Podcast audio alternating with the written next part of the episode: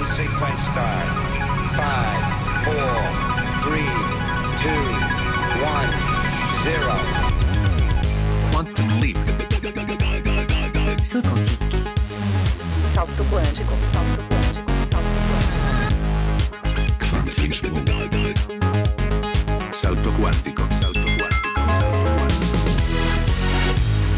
Kvantum, det du inte visste att du ville veta. När det här avsnittet av Kvanthopp går ut på Yle Arenan och i Yle Vegas Eter, då skriver vi den 25 december. Och då har förhoppningsvis två saker skett. Ett, julgubben har varit riktigt givmild med er allesammans. Och två, rymdteleskopet James Webb har lyft från Kourou i franska Guyana och är på väg mot sin postering ute i Lagrange 2-punkten på andra sidan månen. Oj vad jag väntar vet ni på att få se bilderna från Webb-teleskopet. Det kommer att bli julafton ännu en gång sen när de börjar droppa in. Eh, jag spelar alltså in det här några dagar innan julafton så i skrivande stund vet jag inte riktigt ännu hur det går med, med webbteleskopet. Eh, det där med julgubben det vet jag ju däremot. Klart att just du fick massvis med fina klappar. Allt du hade önskat dig och lite till. Sen finns ju de här som öppnar sina paket först den här dagen, den 25 december.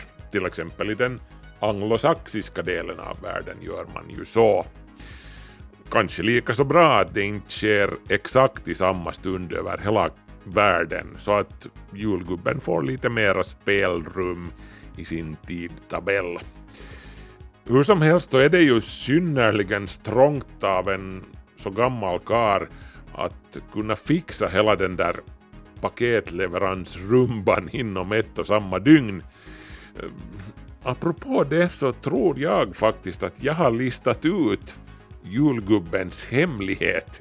Han använder sig av ett knep som är bekant från kvantmekaniken, kallat superposition.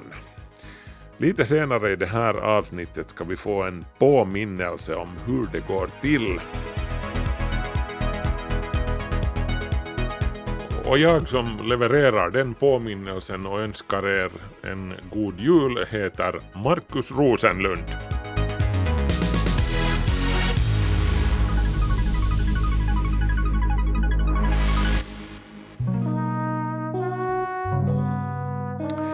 Men innan vi går närmare in på det, varför firar vi jul just på juldagen den 25 december? Nå, ursprungligen så firade ju våra hedniska förfäder inte jul, de firade vintersolståndet. Ja men vintersolståndet det inträffar ju på den 21 eller 22 december, inte den 25 kanske ni nu säger. Ja, ja, men de gamla romarna de, de trodde att vintersolståndet inträffade den 25 december så, så därför har nu den 25 liksom blivit det där egentliga festdatumet. Romarna de var, de var ju bra på mycket, bland annat akvedukter och, och det där vägar och, och sånt, men det här med kalendrar var inte riktigt deras grej. Den julianska kalendern som Julius Caesar införde 45 före vår tideräknings början var också lite inexakt, om vi säger så. Den gjorde att det faktiska astronomiska vintersolståndet inom citat vandrade i kalendern tills det år 1100 inföll redan den 15 december. Det här felet korrigerades sen i och med den gregorianska kalendern som infördes 1582. Men poängen med att ha en stor högtidlig brakfest just den här tiden på året kring vintersolståndet har ju alltid varit att fira solens pånyttfödelse och ljusets återkomst.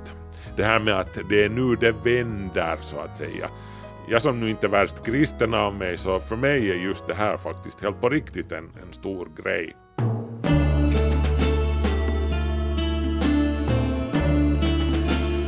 Jesus är ju ingalunda den enda av Pantheons invånare som firar födelsedag just så här års. Det vimlar av diverse solgudar i, i födelsedagskalendern på just det här datumet.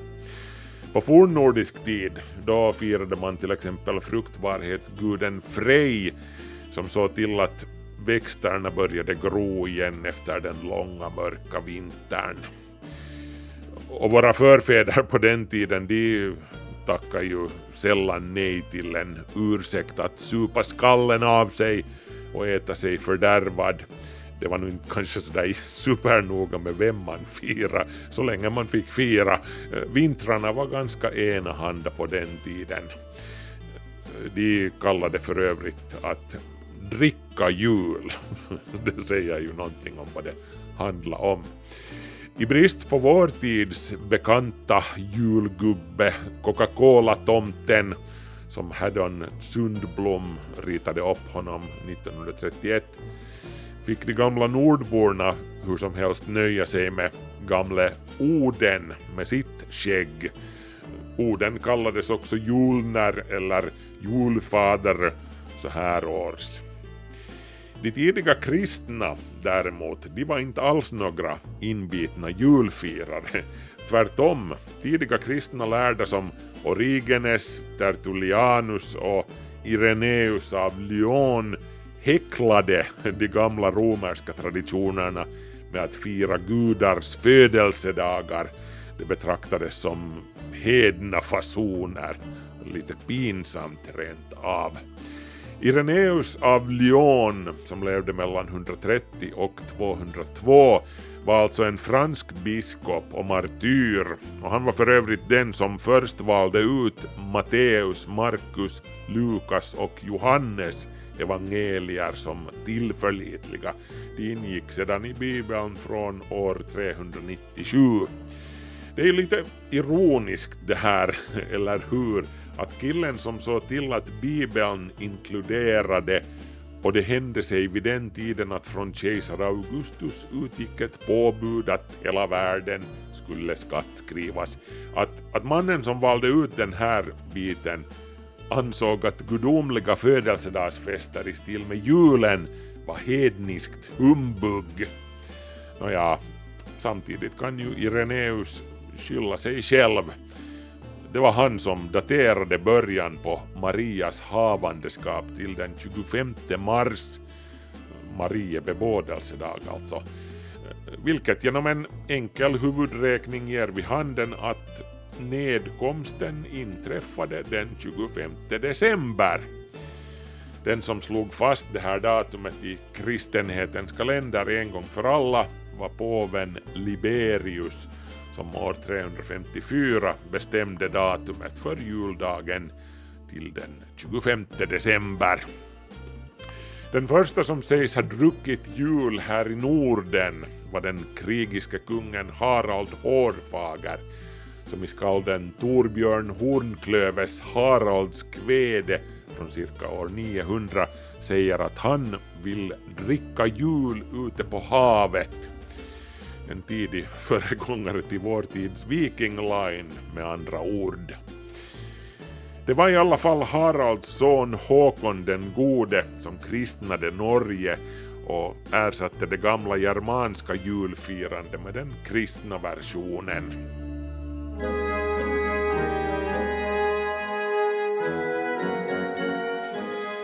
Men däremot är alla inte överens om att vikingarna firade sin jul vid vintersolståndet.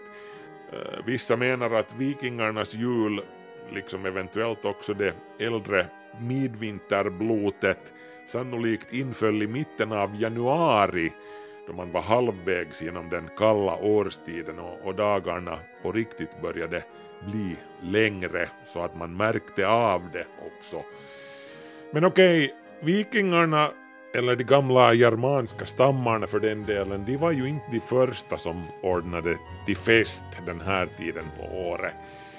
Exakt hur länge människor har, har firat den här tiden på året är det väl ingen som vet, men åtminstone så firades det redan då det romerska riket var ungt.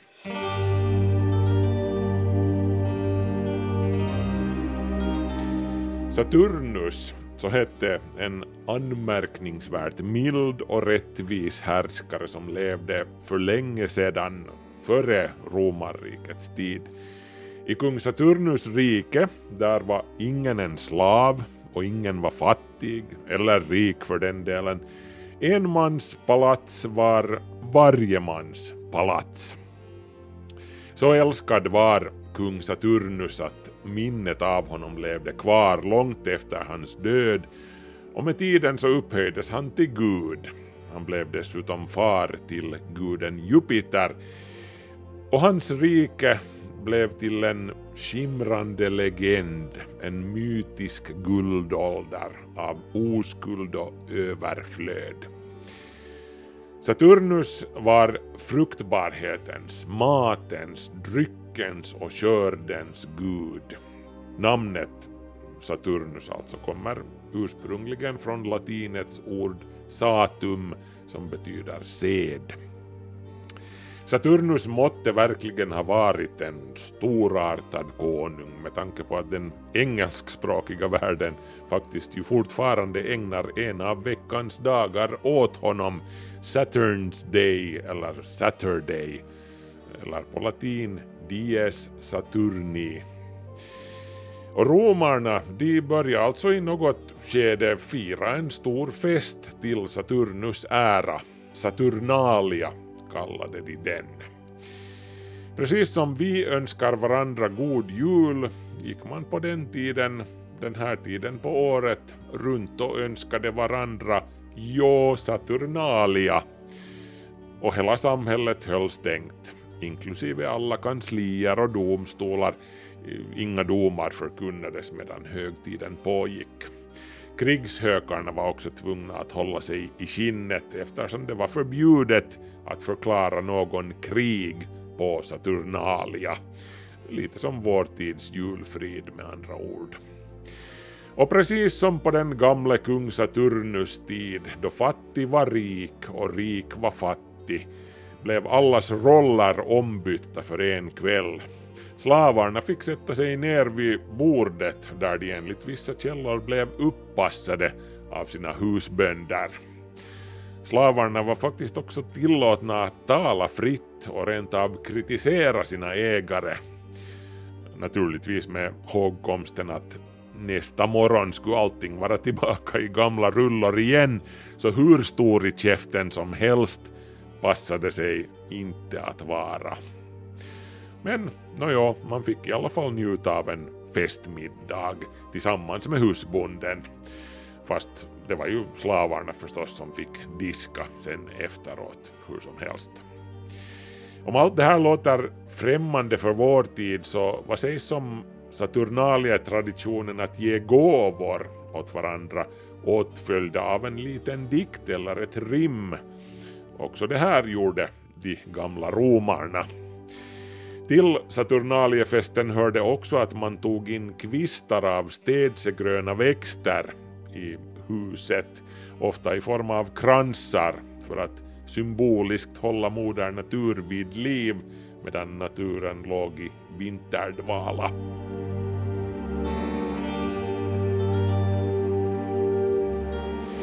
Att bränna ljus hörde också till Saturnaliefirandet. Vaxljusen representerade för romarna solens kraft som återvänder efter vintersolståndet. Senare blev själva högtiden en fest för att markera just solgudens Sol Invictus födelsedag. Men som sagt, det är trångt i kalendern, i den religiösa kalendern just kring vintersolståndet. Eh, många gudomliga födelsedagar eller andra högtider att fira där. De gamla persernas solgud, till exempel Mitra, som romarna senare lånade vissa drag av och kallade Mitras. I Rom blev Mitras till soldaternas gud och beskyddare. Eh, Mitras anhängare hade för vana att skaka hand då de möttes. Eh, Mitras efterföljare kallades syndexioi, de som förenas av handskakningen. De skakade alltså hand för att visa sina vänskapliga avsikter. Det här var långt innan någon hade hört talas om något coronavirus.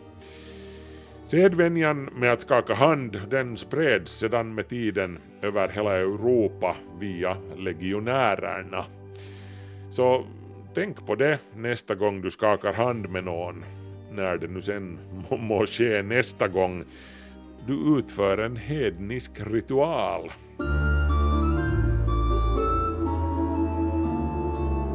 Dyrkan av Sol Invictus, den oövervinnerlige solen, ingick för övrigt också i mitraismen. Solguden Sol Invictus stod också till en början högt i kurs hos kejsar Konstantin den store, han som senare tillät utövandet av den kristna tron i det romerska riket. Ja, till och med så konverterade ju Konstantin själv till kristendomen.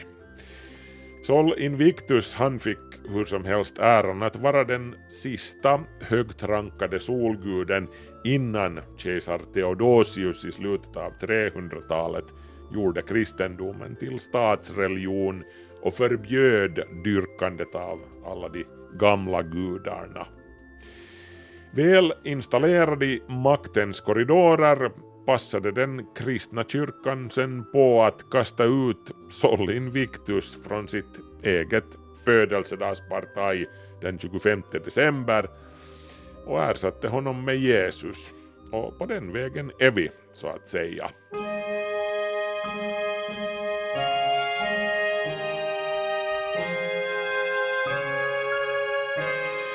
Men hej, innan jag slutgiltigt önskar god jul och Josa Turnalia åt er alla så, så ska vi ännu som utlovat få höra mitt förslag till förklaring på hur det kan komma sig att julgubben klarar av att besöka så många adresser på en och samma kväll. Den förklaringen hör ni här.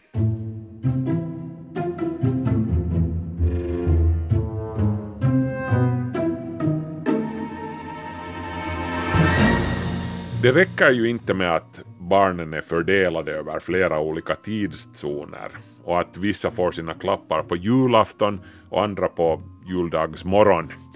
Vi snackar ändå om en fullkomligt övermänsklig prestation att dela ut alla dessa klappar på en så kort tid. Utgår vi från att julgubben bara besöker barnfamiljer och bara sådana barn som överhuvudtaget firar jul så blir det ändå minst 375 miljoner barn fördelade på 110 miljoner hem, allra minst. Det finns gott om beräkningar kring det här, hur det går till. Tidningarna älskar att bolla med all världens siffror så här inför jul om hur fort julgubben borde röra på sig för att hinna dela ut alla klappar med tanke på att han i genomsnitt har 1250 sekund på sig per hem. Han ska alltså hinna färdas en sträcka på cirka 137 miljoner kilometer innan juldagsmorgon randas i den sista tidszonen i Stilla havet. Det är en sträcka som motsvarar ungefär härifrån till solen, kanske lite kortare.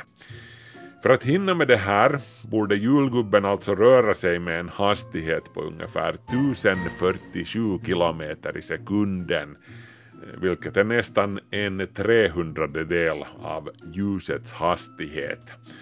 Det här är en sådan hiskelig fart att friktionen som uppstår då han rör sig genom luften skulle få både honom, hans renar och hans släde att brinna upp som fnöske innan han ens kommer utom synhåll från Korvatunturi.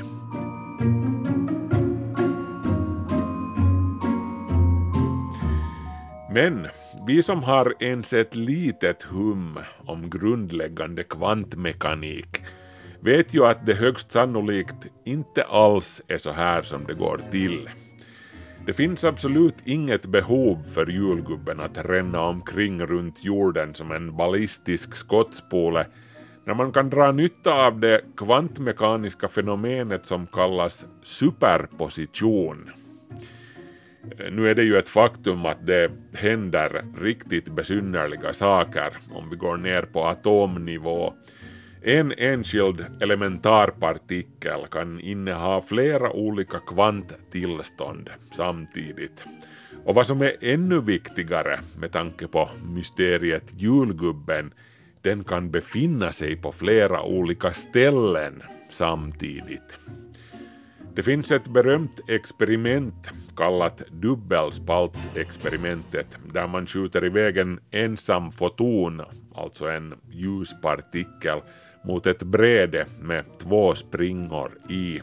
Och hur det nu råkar sig så tycks alltså den här ensamma fotonen passera genom båda springorna på en och samma gång. Ett annat berömt exempel som man brukar använda för att illustrera det här är fallet med Schrödingers katt i sin låda.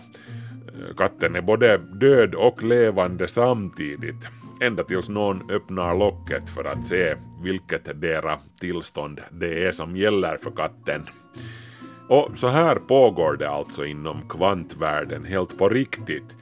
Ehm, elementarpartiklar kan ha vitt skilda tillstånd, så kallade spinn, på en och samma gång tills man observerar dem och så att säga tvingar dem att välja. Det här med att inneha flera olika tillstånd samtidigt kallas alltså superposition. Men enligt det konventionella tänkandet gäller de här kvantmekanikens knasiga regler bara på riktigt liten skala, på atomnivå. Men forskare har på senare tid med jämna mellanrum lyckats försätta allt större bitar av materia i superposition. Så vad är det som säger att julgubben inte besitter någon sorts otroligt avancerad kvantteknologi som gör det möjligt för inte bara honom utan hela hans släde med renar och allt att inta superposition? Vilket i sin tur gör det möjligt för julgubben att uppträda på så många ställen han vill på en och samma tidpunkt utan att överhuvudtaget behöva förflytta sig mellan de här punkterna.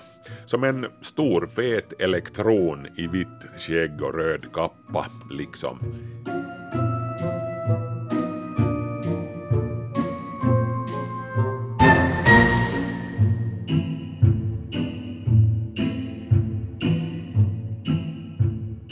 Och sedan, då klapparna är utdelade och julgubben så att säga är observerad, för att använda kvantmekanisk jargong, då kollapsar julgubbens kvanttillstånd och han återgår till att existera på en och samma plats, vilket sannolikt är på soffan i Korvatunturi med fötterna på bordet och en mugg glögg i ena handen och fjärrkontrollen i den andra.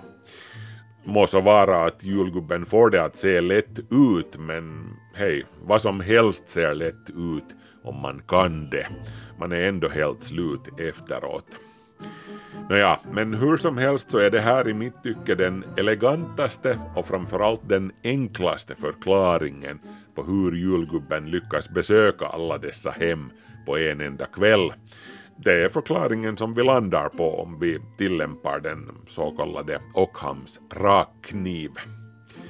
Man kunde ju sen förstås spekulera i huruvida julgubben på något vis har lärt sig manipulera själva tiden i praktiken så att den mer eller mindre stannar för oss medan den flyter på normalt för tomtefar själv. På så vis kunde han ju få det att se ut som att han besöker alla de här barnen helt otroligt kvickt på en enda kväll medan flera månader eller rent av år förflyter sett ur hans perspektiv.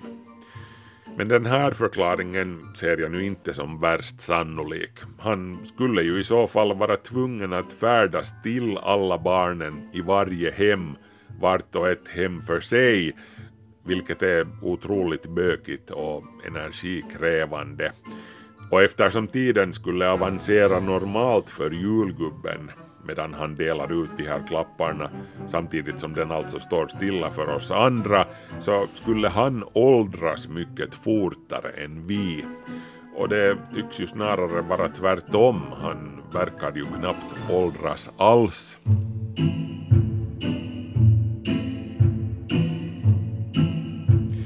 Så därför ser jag den här hypotesen om att julgubben utnyttjar det kvantmekaniska fenomenet kallat superposition som den mest trovärdiga förklaringen till hur han hinner besöka alla dessa hem på en och samma kväll.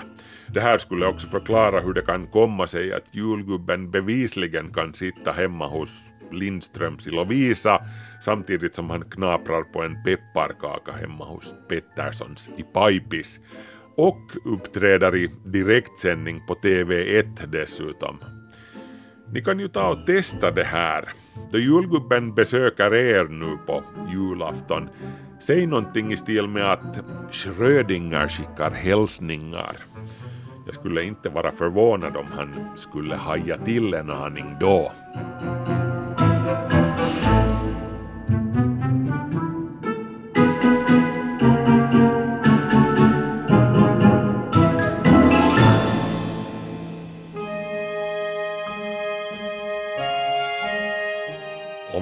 Tyckte att den kände igen den här lilla storyn om kvantjulgubben så, så kan det bero på att den här storyn sändes första gången för, för ett par år sedan. Det var alltså en, en repris. Men hej, det är ju jul och jag har egentligen jullov så, så ni får ursäkta mig för att jag är lite lat den här tiden på året.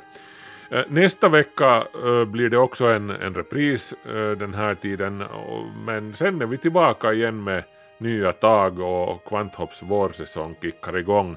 Oj vad, vad ljuvligt det är att bara att säga att vårsäsongen inleds fast det ju ännu är eh, länge kvar av vintern. Men i alla fall, vi går, vi går åt rätt håll, det är huvudsaken. Nu ska ni alla ha en riktigt, riktigt god jul och ett gott nytt år och njuta av läckerheterna och av lugnet och och stillheten när, när coronan tvingar oss att sakta ner än en gång. Och just det, apropå det så ska ni också hålla er friska och, och det där, komma ihåg att ta vaccinet och så fort ni får chansen till det om ni inte redan har gjort det och, och så vidare och så vidare. Ni, ni vet hela den här rulliansen med munskydd och, och, och allt det där. Eh, som sagt, god jul! Eh, Jo Saturnalia åt er alla. Markus Rosenlund heter jag som nu tackar för sällskapet. Ha det bra, vi hörs, hej så länge!